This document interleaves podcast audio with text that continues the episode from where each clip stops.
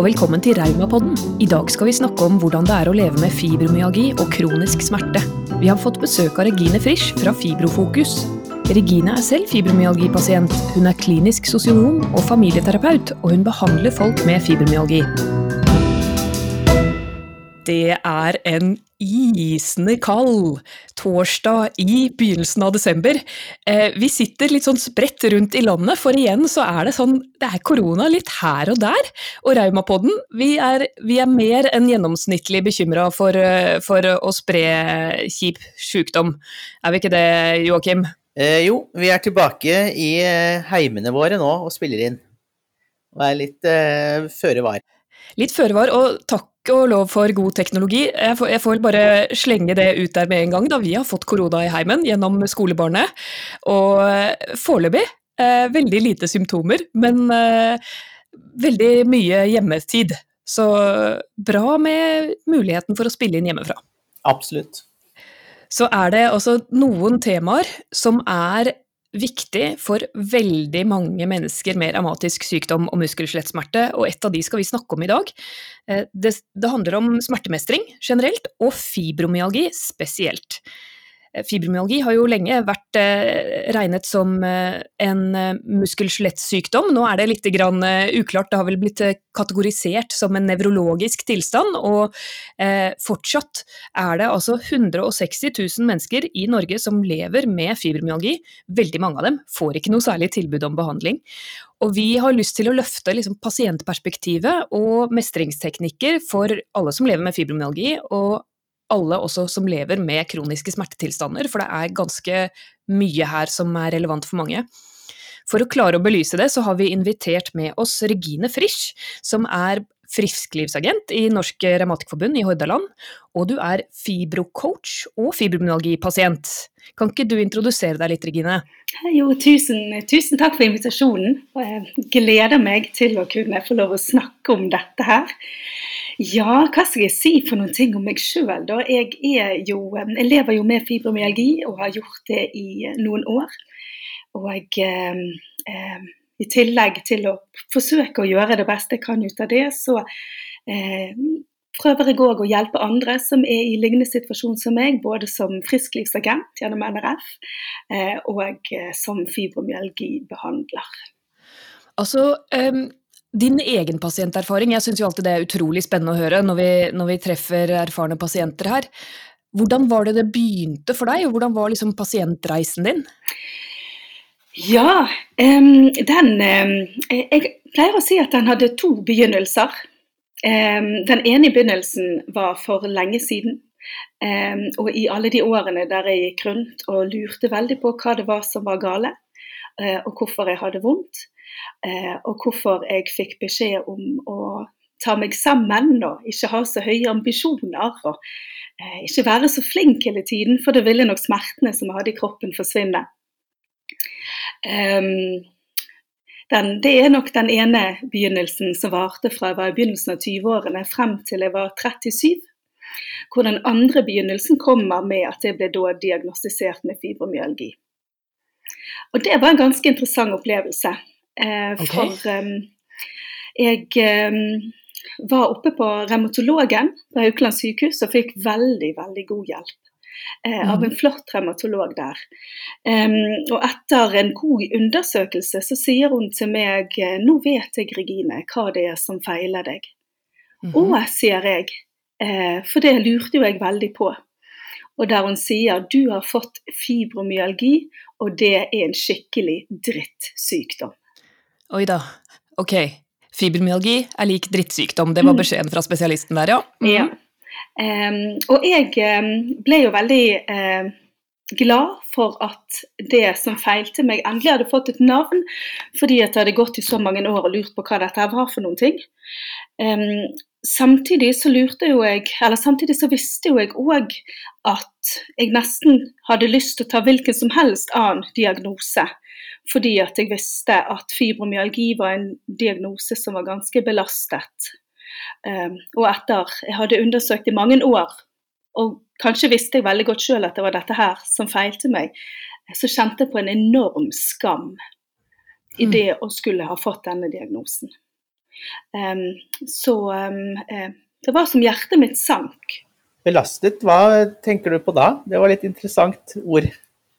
Ja, jeg uh, visste jo at man ikke visste så mye om fibromyalgi, og jeg visste at man ikke visste så mye om hva som hjalp, eh, og hvorfor man fikk det. Eh, og at det var en diagnose som i mange år hadde litt sånn frynsete rykte. Um, og um, det syns jeg var litt sånn vanskelig å skulle bære. Ja, jeg skjønner. Mm. Ja. Vi har jo I Norsk Grammatikerforbund så har vi jo bl.a. temahefte om eh, fibromyalgi. og Der eh, leste jeg at eh, de første måte, kjennskapet til fibromyalgi kom allerede på, i romertida. Så var det noen som eh, kjente igjen de symptomene som fibromyalgi gir, og så har det hatt eh, mer oppmerksomhet mm. eh, i det siste, da.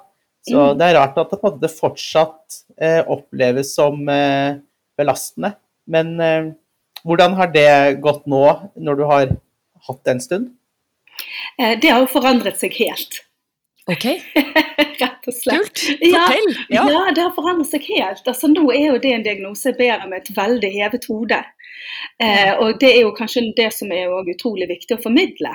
Eh, altså den eh, Jeg tror jo at eh, med en sykdom som når man får en sykdom som man sjøl ikke kan så mye om, så lurer man jo veldig på hva det er som foregår. Mm. Um, og så um, jeg tror jeg kjente litt på skam da, knyttet til om at jeg hadde påført dette her på meg sjøl. Mm.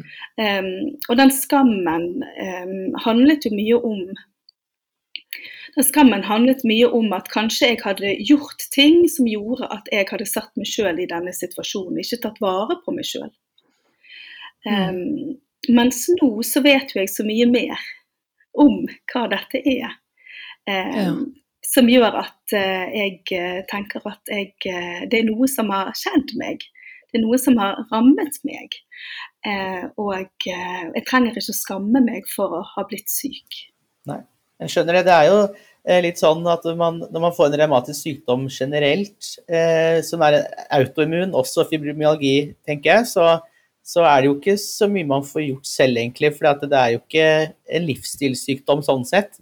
Så Eh, jeg husker det var en gang det sto på en eller annen nettside at eh, eh, man kan forebygge, forebygge det, men det vet man jo ikke ennå. Man vet ikke hva det skyldes. Det vil jeg anta gjelder fibromyalgi òg, at det, det, er noe som kommer uavhengig av hva man har gjort. Og så må man finne gode mestringsstrategier og, og, og leve så godt som mulig med, med fibromyalgi. Da.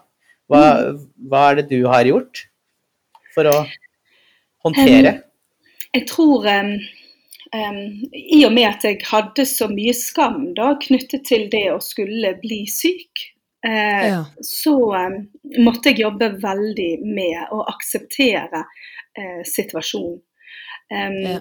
Eh, og sånn at det å akseptere at jeg hadde fått helseplager, var vel kanskje det første som jeg måtte jobbe med. Og det var veldig vanskelig å skulle, å skulle håndtere. Jeg skulle håndtere at livet var blitt annerledes enn jeg hadde forventet, og annerledes enn jeg hadde lyst til. Eh, og at plutselig så var det noen begrensninger i min livsutfoldelse. Eh, og det hadde jeg ikke så lyst til å finne meg i. Mm. Eh, og, så, så det, har jobbet, det, har jeg jobbet, mye med å akseptere. Og det er faktisk sånn at um, For det jeg trodde, det var jo det at um, hvis jeg aksepterte at jeg hadde helseplager, så ville det bety at jeg hadde gitt opp. Det ville bety ja, ikke sant? sant hadde, ja. Den hører jeg ofte. Ja. ja.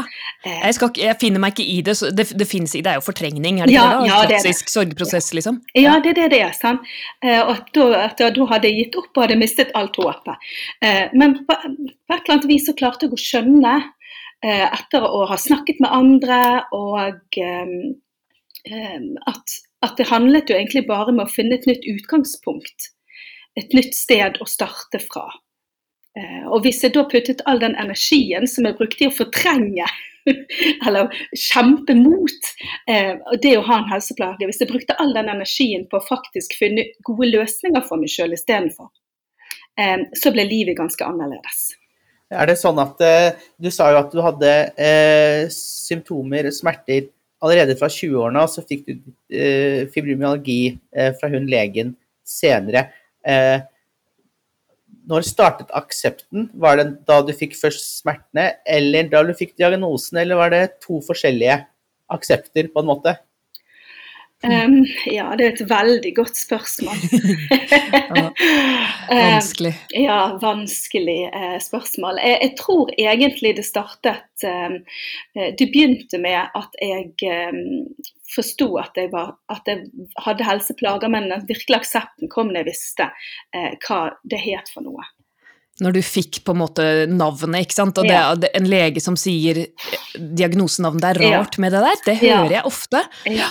Og er det ikke også eh, litt grann tragisk i forhold til fibromyalgidiagnosen, så er det jo veldig mange eh, som blir overlatt til seg selv. Altså det, det fins ikke egentlig noe kjempebra eh, verken medisinsk forståelse for hva det er. Altså vi har jo ikke noe, noen eh, prøver ennå som kan vise sånn en blodprøve som viser du har fibromyalgi, og dette er grunnen. på en måte Vi ser dette skjer i kroppen din. Det er masse spennende forskning som pågår, og det mm. kommer vi til å snakke mer om også i, i neste episode hvor vi har med en forsker.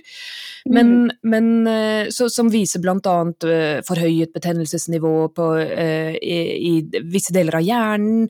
Det, det har noe med nervesystemet å gjøre, det har noe med hypersensering av, av smerte Eh, hele smerteapparatet å gjøre.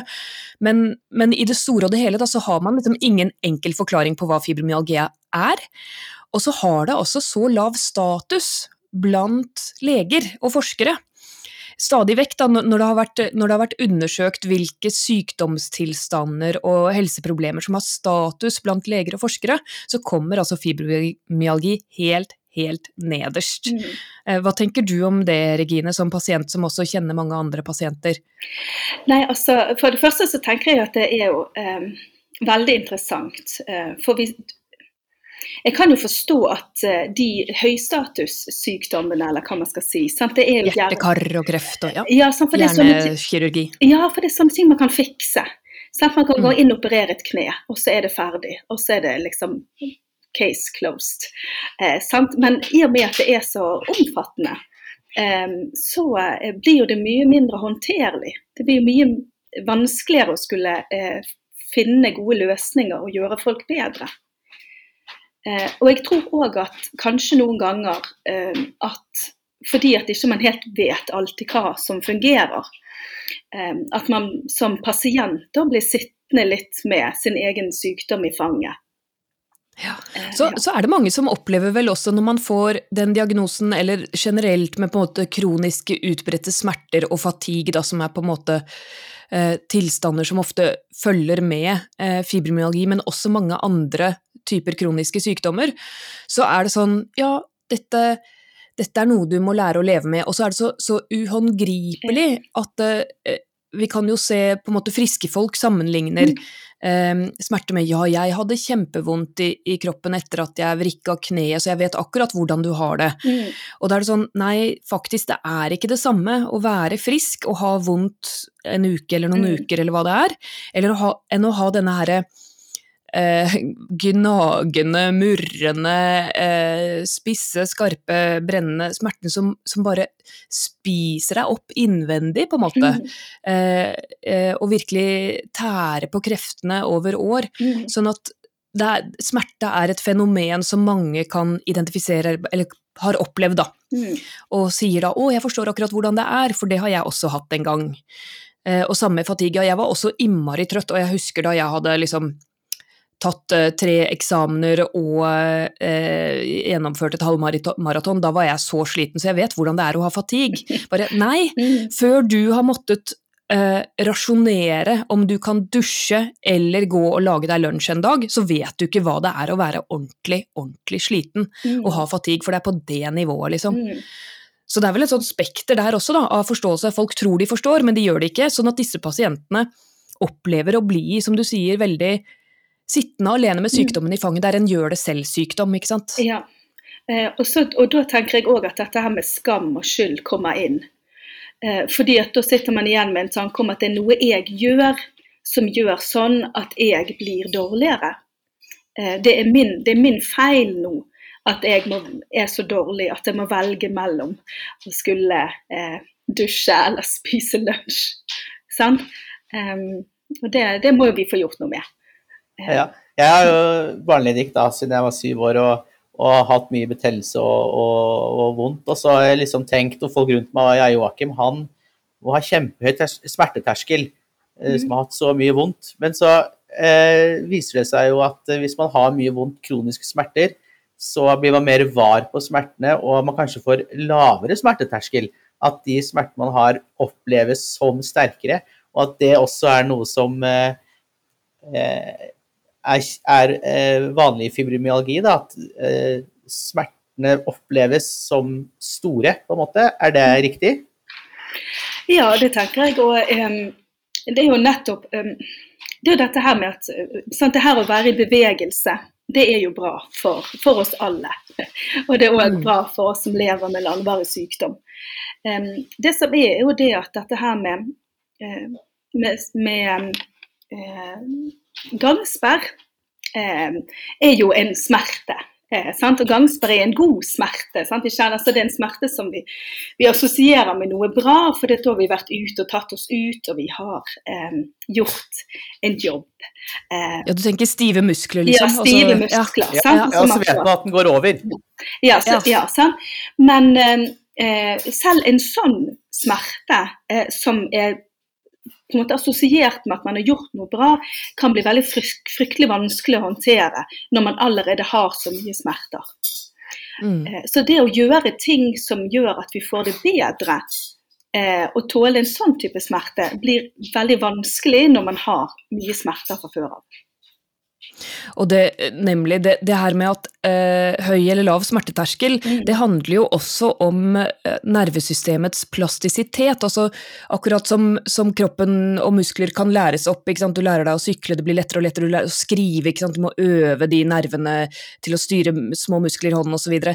Eh, nerver som brukes ofte, blir flinkere og flinkere til å overføre nervesignaler. Og det samme er det med smerte, da, viser jo mm. ny, nyere smerteforskning. at det, hvis du har, så, som oss Joakim Joakim Leddikt og sånn, hvis jeg har vondt i skulderen eller vondt i ryggen stadig vekk, så blir de nervebanene som går fra den delen av kroppen som gjør vondt, til hjernen, hvor smerten på en måte prosesseres og, og bearbeides og, og, sender et faresignal eller sier au, au, her gjør det vondt, de, de blir på en måte de blir bytta ut da, som om det er en liten modemkabel fra 80-tallet, liksom, eh, med to kilobyte eh, overføring i timen, så blir du bytta ut med større og større bredbånds til jeg har sånn fiberoptisk superkabel fra, fra, stedet det gjør vondt i hjernen. Så samme eh, smerteinput, på en måte, om det er skade på kneet, gir en mye større smerteopplevelse i hjernen. Og da, blir vi, og da blir vi redd smerte. Da blir vi redd all slags smerte. Og da blir vi òg redd den smerten som, som, ikke vi trenger å være redd. Vi blir redd den smerten som kan gjøre oss godt. Og det betyr at da kanskje går ikke vi ut og beveger oss, eh, fordi at vi orker ikke ha den smerten som kommer etterpå. Mm. Men, altså, en, del ja, en, del av, smertens funksjon er jo å gjøre oss redde, for det, smerte skal gjøre oss redde. Så det, så det er en biologisk funksjon av smerte. Mm. Hvis du får vondt, så skal liksom, eh, nervene sende signal til hjernen som sier au, au, her har det skjedd noe farlig, jeg har skadet mm. meg, du må hvile, du må ta det med ro. Altså, det er sånn biologisk hva som skjer. Da. Så du må jo motvirke den biologiske funksjonen av smerte hvis du skal klare å bryte løs av en sånn spiral. Og det krever mye kapasitet, tenker jeg. Det krever mye energi. Er det sånn at den smerten man får er farlig? Eh, tenker eh, eh, Hvis man gjør noe aktivitet eller noe som gjør at det blir eh, vondt, er den smerten Blir den værende der på det stadiet, eller går den ned igjen? Eller hva gjør man for å på en måte håndtere Hvorfor, hvorfor, blir man redd for smerten? Er det smerten i seg selv? Jeg eh, tenker jo at eh, mange blir redd for smerten i seg selv. Mm. Um, og en, en, viktig del av det å skulle leve med smerte handler om å uh, klare å skille hva som er god smerte, i anførselstegn, og hva som er vond smerte. Um, um, og det blir vanskelig, og det blir vanskelig å leve i sin egen kropp når de nyansene blir vanskelig å skulle håndtere. Og akkurat det som Anne sier, sant? Uh, at man må motvirke òg denne, denne redselen. Fryktreaksjonen, ja. ja. Som er en naturlig funksjon. Mm. Men, Men det, det finnes jo også noe som heter, jeg kjenner bare begrepet på engelsk, post-extertional malaise, altså fibromyalgi. Um, smerte, ja. Fatigue, ja. Og så er det noen som blir liksom verre etter å ha uh, tatt seg ut fysisk. Hva, hva, Ja. hva vet du om det? Har du, hatt har du opplevd det selv? Ja, altså Det vi, vi gjerne snakker om da, er at vi får et oppbluss av de symptomene som, eh, som vi har. Eh, sant? Altså, oppbluss av smertesymptom er jo ett symptom som vi med fibromyalgi får. Men det er jo òg oppbluss av andre ting. Sant? Som eh, at vi får eh, eh, problemer med å huske. Eh, at man kan få problemer med konsentrasjon. Eh, fibrotåke har jeg hørt om. ja, fibrotåke. Det er jo gjerne den summen når oppblusset blir så totalt, så er det på et eller annet sted så er det noe som eh, hva skal jeg si, eh, ikke fungerer lenger. Og det siste da som går, det er det at vi, vi husker dårligere, og vi um, strever med, med konsentrasjon. Og det er kanskje noe av det mest som folk syns kanskje er mest skremmende. Eh, sant? Når man begynner å glemme ting. Em, det å glemme ord midt i en setning når du snakker med venninnene dine eh, på en hyggelig kveld, eh, oppleves jo veldig vanskelig. Eh, og man får en annen type redsel. Hva er det nå som skjer eh, med meg? Eh, så de oppblussene, det er jo de vi trenger å få kontroll på.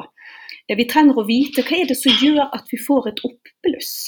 Og hva skal jeg gjøre når det oppblusset kommer, for at det gjerne ikke skal vare så lenge? Um, og hvordan kan det komme litt tilbake igjen til. Og så er det én ting som er veldig viktig å si noen ting om. Um, og det er det at um, vi kan ikke, selv om vi får disse oppblussene, la være å være med på livet.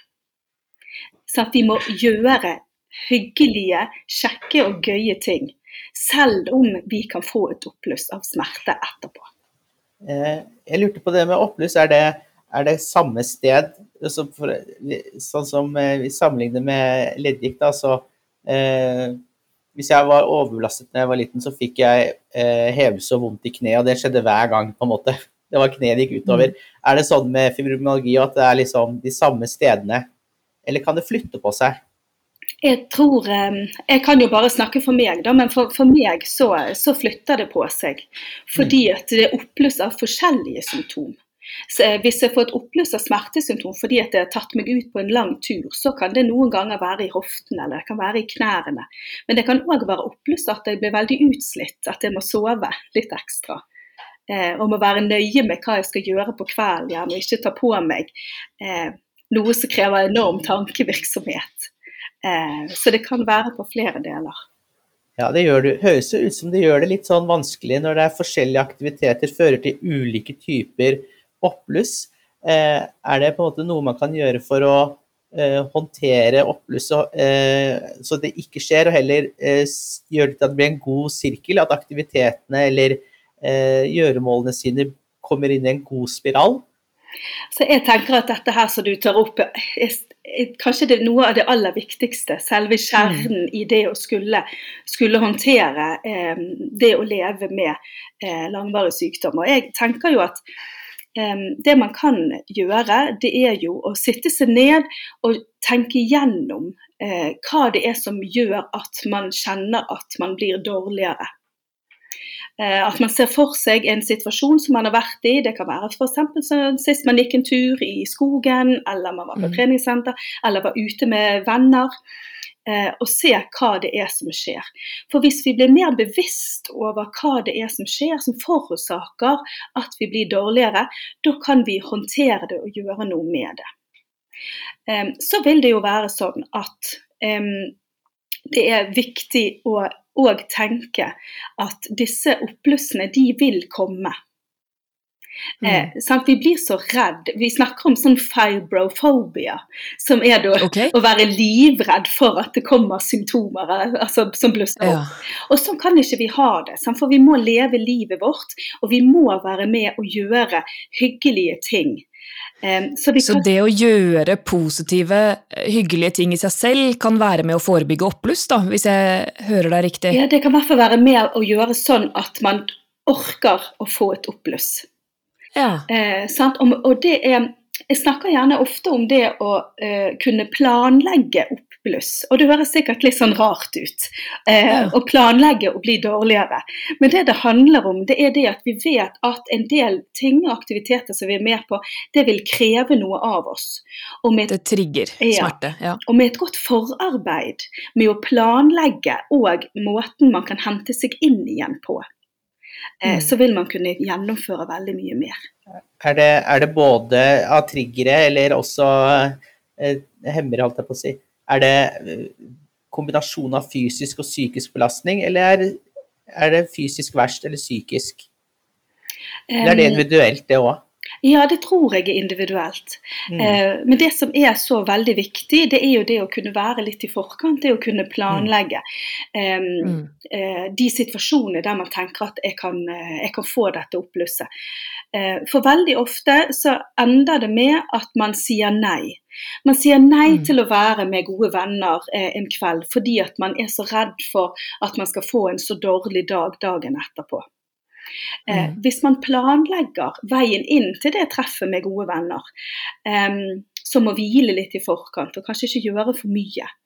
Eh, og mm. at man sitter dagen etterpå fri fra andre oppgaver. Det som jeg pleier å gjøre, det er at jeg sørger for at mann og barn er ute av huset eh, dagen etterpå, så jeg får bare tid for meg sjøl til å høre på litt musikk, ta meg en god lang dusj og slappe av.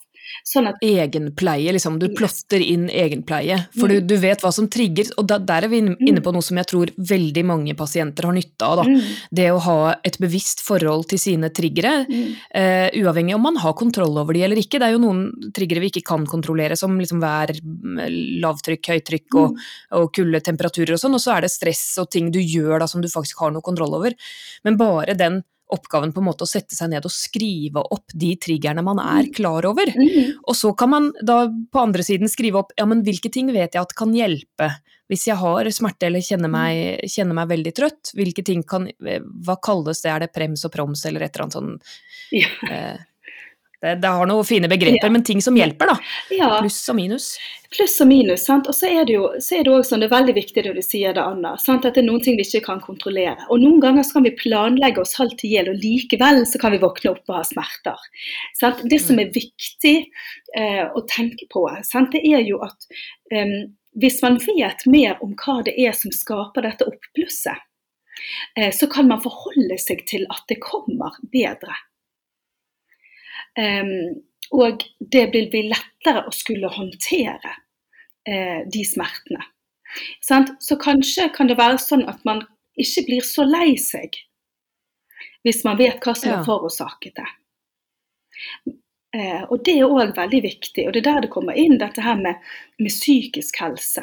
Og jeg tenker at Det er helt klart at det er sånn at vi som lever med en smertetilstand, blir lei oss Mm. Eh, det er eh, fordi at det koster mye. Mm. Men kanskje kan vi bli litt mindre lei oss eh, hvis vi føler at vi har litt mer kontroll over det som skjer. Og det å på en måte, Vi snakket om i begynnelsen det her å akseptere sykdommen. Og, og, og, kanskje eventuelt få hjelp til å, å gå gjennom denne sorgprosessen, da, som, som, kanskje er større også når man får en sykdom som ikke er så ikke er så håndfast, mm. som ikke er liksom noe man ser på røntgenbilder eller blodprøver, men å håndtere at ok, jeg har fått denne sykdommen, fibromyalgi, den eh, du kan høre på både pasienter og leger og, og så klart gjøre, eh, gjøre, alt du kan for å lære om sykdommen generelt, og så lære om din egen sykdom. Eh, og så komme til et sted, håper jeg de fleste kommer til etter hvert, hvor det, ja, det går an å ha god livskvalitet mm. selv om jeg har fått denne sykdommen. Jeg kan gjøre ting som er gøy og som gjør meg glad selv om jeg har denne sykdommen. Jeg må bare tenke litt annerledes, jeg må planlegge livet mitt litt annerledes. Mm. Ja. For det, du, du, har jo tatt en utdanning som eh, fibromyalgirådgiver eller coach, ikke sant? Og, og, og du, eh, sammen med, med, kollegaen din eh, Laila, så, så, driver dere Fibrofokus. Jeg anbefaler jo alle fibromyalgipasienter å følge dere på Instagram, der dere legger ut mye mm. interessant, mm. blant annet. For du har vel møtt veldig mange pasienter i forskjellige deler av dette forløpet. Mm. Hva vil du si på en måte er er nøkkelen for å, å, på en måte komme ut av den negative spiralen da, og begynne å komme inn i en, en livskvalitet og mestrings, eh, i stedet? Altså jeg vil jo si det som vi snakket om innledningsvis, dette her med aksept. Um, at det er en, en, viktig del av det. Uh, å prøve å skifte det fokuset over til at dette er noe som har skjedd meg, og dette er noe som jeg må, må bare håndtere. Men at jeg kanskje ikke, ikke, klarer å skulle håndtere det alene. Um, det er ikke din feil at du ble syk, yes. men du, du, må lære å håndtere det, at ja. du har blitt syk. Ja, ja rett og slett. Uh, og um, det er jo veldig viktig poeng at det er ikke vår feil at vi er blitt syke, men vi må leve med konsekvensene av det å skulle ha fått tildelt denne uh, sykdommen. Um, og så er det jo, er jo dette her med å ta seg tid til å sørge. Eh, mm. Det er òg viktig. Eh, det, eh, det, å få en, en, en, langvarig sykdom, det er jo en sorg uten blomster. Det er gjerne en sorg som man bærer på, på sjøl, og kanskje de rundt en òg sørger. Kanskje partneren òg sørger litt fordi at den som man ble sammen med, ikke kan være med nødvendigvis å gjøre alt som de pleide å gjøre. Eh, så de to tingene med, med aksept og med sorg. Eh, du sa at det ikke finnes noen blomster. Betyr det at det ikke er noe positivt med fibromyalgi? Nei, det var ikke det jeg mente. Nei, Nei jeg, når jeg sa at eh, det er en sorg uten blomster, så mente jeg at eh, det er en sorg som ingen, det er ingen som kommer med blomster på døren til deg. Det er ingen som sender deg kort og Nei. blomster på døra når du får fibromyalgi? Det er liksom ikke ja, den typen sorg? Ja. Nei, det er ikke den type sorg. Eh, jeg ja, Jeg tenkte litt vel metaforisk, jeg sikkert. Ja. det var rett og slett fysiske blomster, ja. ja fysiske blomster, ja. ja. Um, jeg vil jo si at det er uh, en hel del ting som er bra med uh, å skulle få fibromyalgi. Um, det, ok, ja. det er ting som er bra. Ja. Dette er jeg spent på å høre. Ja. Fortell. Um, der kan jeg bare snakke for meg sjøl, men, men, først og fremst så tenker jeg jo at uh, det når man får en, en, kronisk sykdom eller en langvarig sykdom, så, så, er man tvungen til å ta et oppgjør uh, i eget liv. Uh, og det kan være for mange veldig bra. og kanskje noe som mange på et eller annet tidspunkt, eller de aller fleste, trenger å gjøre. Ehm, at vi trenger å sitte oss ned og se hva er det jeg bruker tiden min på. Hva bruker energien min på? Hva er det som gir meg glede? Ehm, hvem er det jeg vil være sammen med? Får for å gjøre det jeg skal? Og Osv. Eh, det... Du blir jo veldig bevisst over hva du bruker tid og krefter på. Ja. Når din tid og krefter er på en måte den, den mest verdifulle ressursen vi har. Da. Mm. Med, med, kronisk sykdom så blir vi så bevisst over at den er på en måte begrenset. Den er ikke, den er ikke noe jeg kan bare Jeg kan ikke fortsette å øse tid og krefter. Mm. Uh, jeg, har, jeg, har, det jeg har, mm. og hva jeg bruker det på blir veldig viktig. Jeg opplever selv at uh, mennesker med kronisk sykdom det er jo de mest fantastiske menneskene i mm. verden. Altså, det er reflekterte. Mm eh, ofte innsiktfulle jeg vil, jeg vil, si mange får en type visdom da, som eh, ja, iblant så, så, tenker jeg på disse her asketene som eh, eh murer seg inne eller sitter, sitter på eh, piggmatter eller så videre og sånn, for eh, livet er lidelse og så videre. Og, og vi, vi, får jo den her opplevelsen det er noe veldig introvert. Man søker innover på en måte og blir kjent med seg selv, men må også reflektere over verden og livet mm. fra en sånn derre observatørrolle, da, iblant. For du, du, ja, du må rett og slett velge veldig bevisst hva du går inn i, mm. eh, og hva du bruker tid og krefter på som pasient. Ja, akkurat det tror jeg ikke ville vært foruten heller. Eh, jeg kunne gitt fra meg denne diagnosen eh, når som helst. eh, men, men det jeg har lært av å ha den, den kunnskapen, den har jeg lyst å alltid beholde. Um, og Det er kanskje det jeg òg treffer med de menneskene som vi møter som kommer til oss i klinikken vår. De, um, det er så enormt um, gode uh, og hva skal jeg si, altså, Jeg blir veldig sånn ydmyk når jeg treffer på uh, disse unge uh, kvinnene og mennene, og eldre. Vi har jo hele, hele spekteret. Fordi at de våger å ta steget inn i det ukjente og utforske hva betyr dette livet nå for meg. Og det å få lov å være med og være vitne og hjelper eh, til at folk gjør disse gode endringene i, i, livet sitt, det er helt nydelig å, å se på og være med på. Altså, jeg, jeg har så troen på akkurat det pasientreisen, på en Mm. måte hva, hva pasientens egen refleksjon, Mm. erfaring i dialog med andre, både helsepersonell og, og andre ressurspersoner eh, eh, rundt seg, da, så man på en måte, jeg anbefaler jo alle å tenke at man skal bygge et helseteam. Mm. At du kan, ikke, du kan ikke gå til legen med veldig mange av disse sykdommene vi har nå, så kan du ikke bare gå til en lege og legge alle problemene dine på bordet og, og få en pille som fikser det. det, det du, du må på en måte skape et team rundt deg hvor du har eh, mennesker som kan hjelpe deg med de forskjellige Mm. aspektene av det å leve med en kronisk sykdom. Og det kan være både venner og familie og, og helsepersonell og andre ressurspersoner i det teamet. Da. Så å komme seg dit er jo viktig. Mm. At man begynner å bygge det teamet. Og vi ser jo at, eh, ja, jeg ser at den endringen eh, skjer i det øyeblikket man tar opp telefonen og ringer til noen for å oppsøke hjelp. Det allerede da har det skjedd et eh, eh, eh, Er man på god vei til å skulle gjøre en endring. Eh, og det som er viktig, det, er, det nøkkelordet du har, Anne, det er dette teamet. Eh, og jeg tenker for at vi skal ta på alvor at fibromyalgi er en, en sammensatt og alvorlig diagnose å ha, som eh, gjennomsyrer alle aspekt ved livet, som man trenger. Eh, man trenger mange eh, rundt seg. Eh, ja. Mm. Selv om det er individuelt og, og dette med team er jo universelt, virker det som, finnes det andre ting som måte er universelle ting som man vet funker? Tenker på eh, gradvis oppbygning av trening eller eh, kosthold eller eh, sånne ting som mange kjenner seg igjen i som funker. Ja, jeg, jeg, tror at, jeg, tror, jeg tror jo på at det å være i bevegelse funker. Jeg tror det å være nøye med det man spiser eh, fungerer og gjør at man kan bli bedre. Utfordringen det er det at når man har så begrenset med energi, så blir det så vanskelig å skulle gjøre alle de tingene som man egentlig vet er bra for seg sjøl.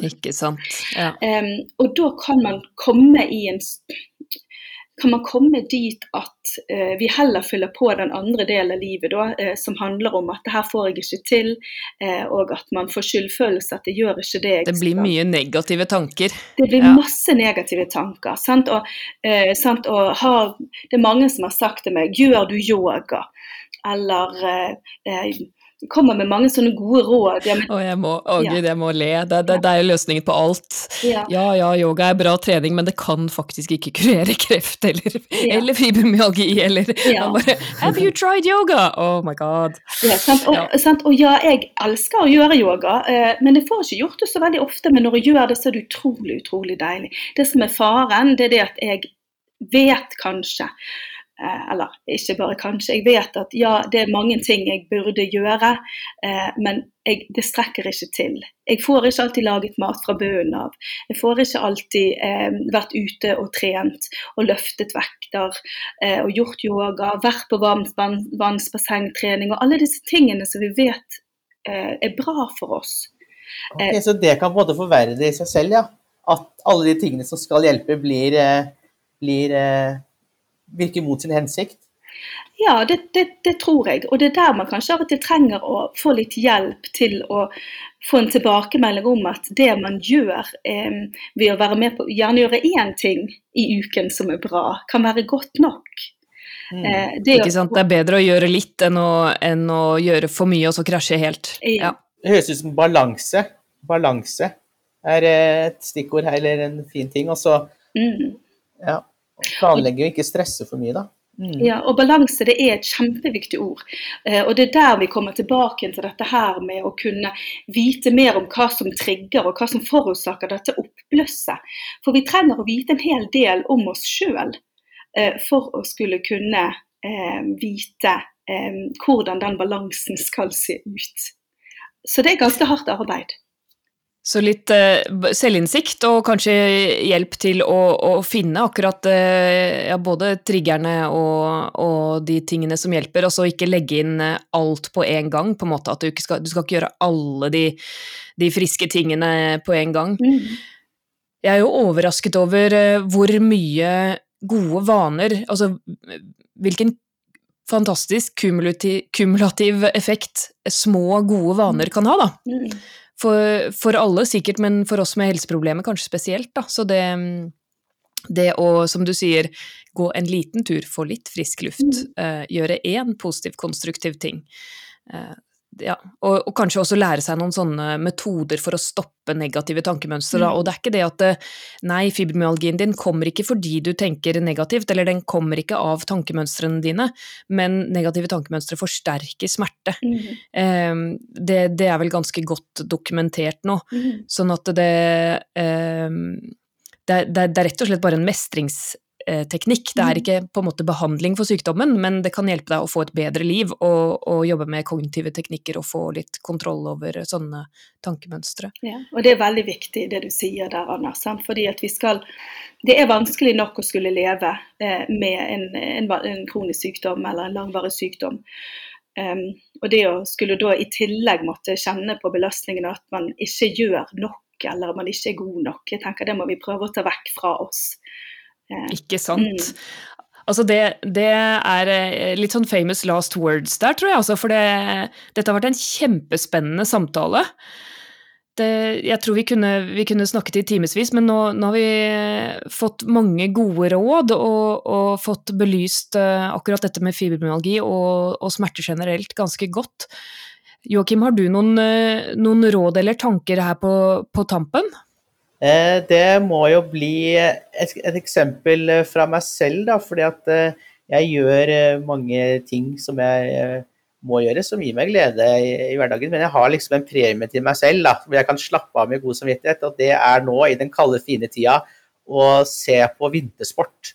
Da finner jeg roen, og så blir jeg så engasjert at jeg glemmer alt annet. Jeg kommer inn i en flow. Så jeg håper alle finner sin Eller kanskje allerede gjort det, da, men, men på en måte finner en flow, da. Det er mitt siste last word. Finn din flow, det var, det, var, det var, gode råd. Hva med deg, Regine? Hva er dine beste råd eh, her for fibromyalgipasienter? Det er å senke skuldrene, eh, rett og slett. Senke skuldrene og eh, tenke at eh, noe, det å gjøre noe, det er mer enn godt nok. Ja. Mm. ja. Tusen, tusen takk. Og eh, tips altså, følg eh, Regine og Laila i Fibrofokus på Instagram og andre sosiale medier for å få litt eh, gode råd fra de. Det går an å kontakte dere og snakke med dere hvis man vil ha en fibromyalgi-coach, vet jeg. Mm. Og du er også frisklivsagent og holder sykt aktiv mestringskurs i Hordaland i Norsk Revmatikerforbund, og det er fantastisk. Det er vi veldig glad for. Mm. Du er en super ressurs for Norsk Revmatikerforbund. Jo, takk for det. Da tror jeg vi sier eh, tusen takk for nå, og, og eh, takk for at du kom, Regine, til dette mm. lydstudiet i koronatiden. Tusen takk for meg. Adios. I dag har vi snakket om fibromyalgi og kronisk smerte, og fibrocoachen Regine Frisch har delt en del tips og råd. Del gjerne denne episoden videre med folk du kjenner som kan ha nytte av den. Som vanlig er det Podmaster som har fiksa lyden.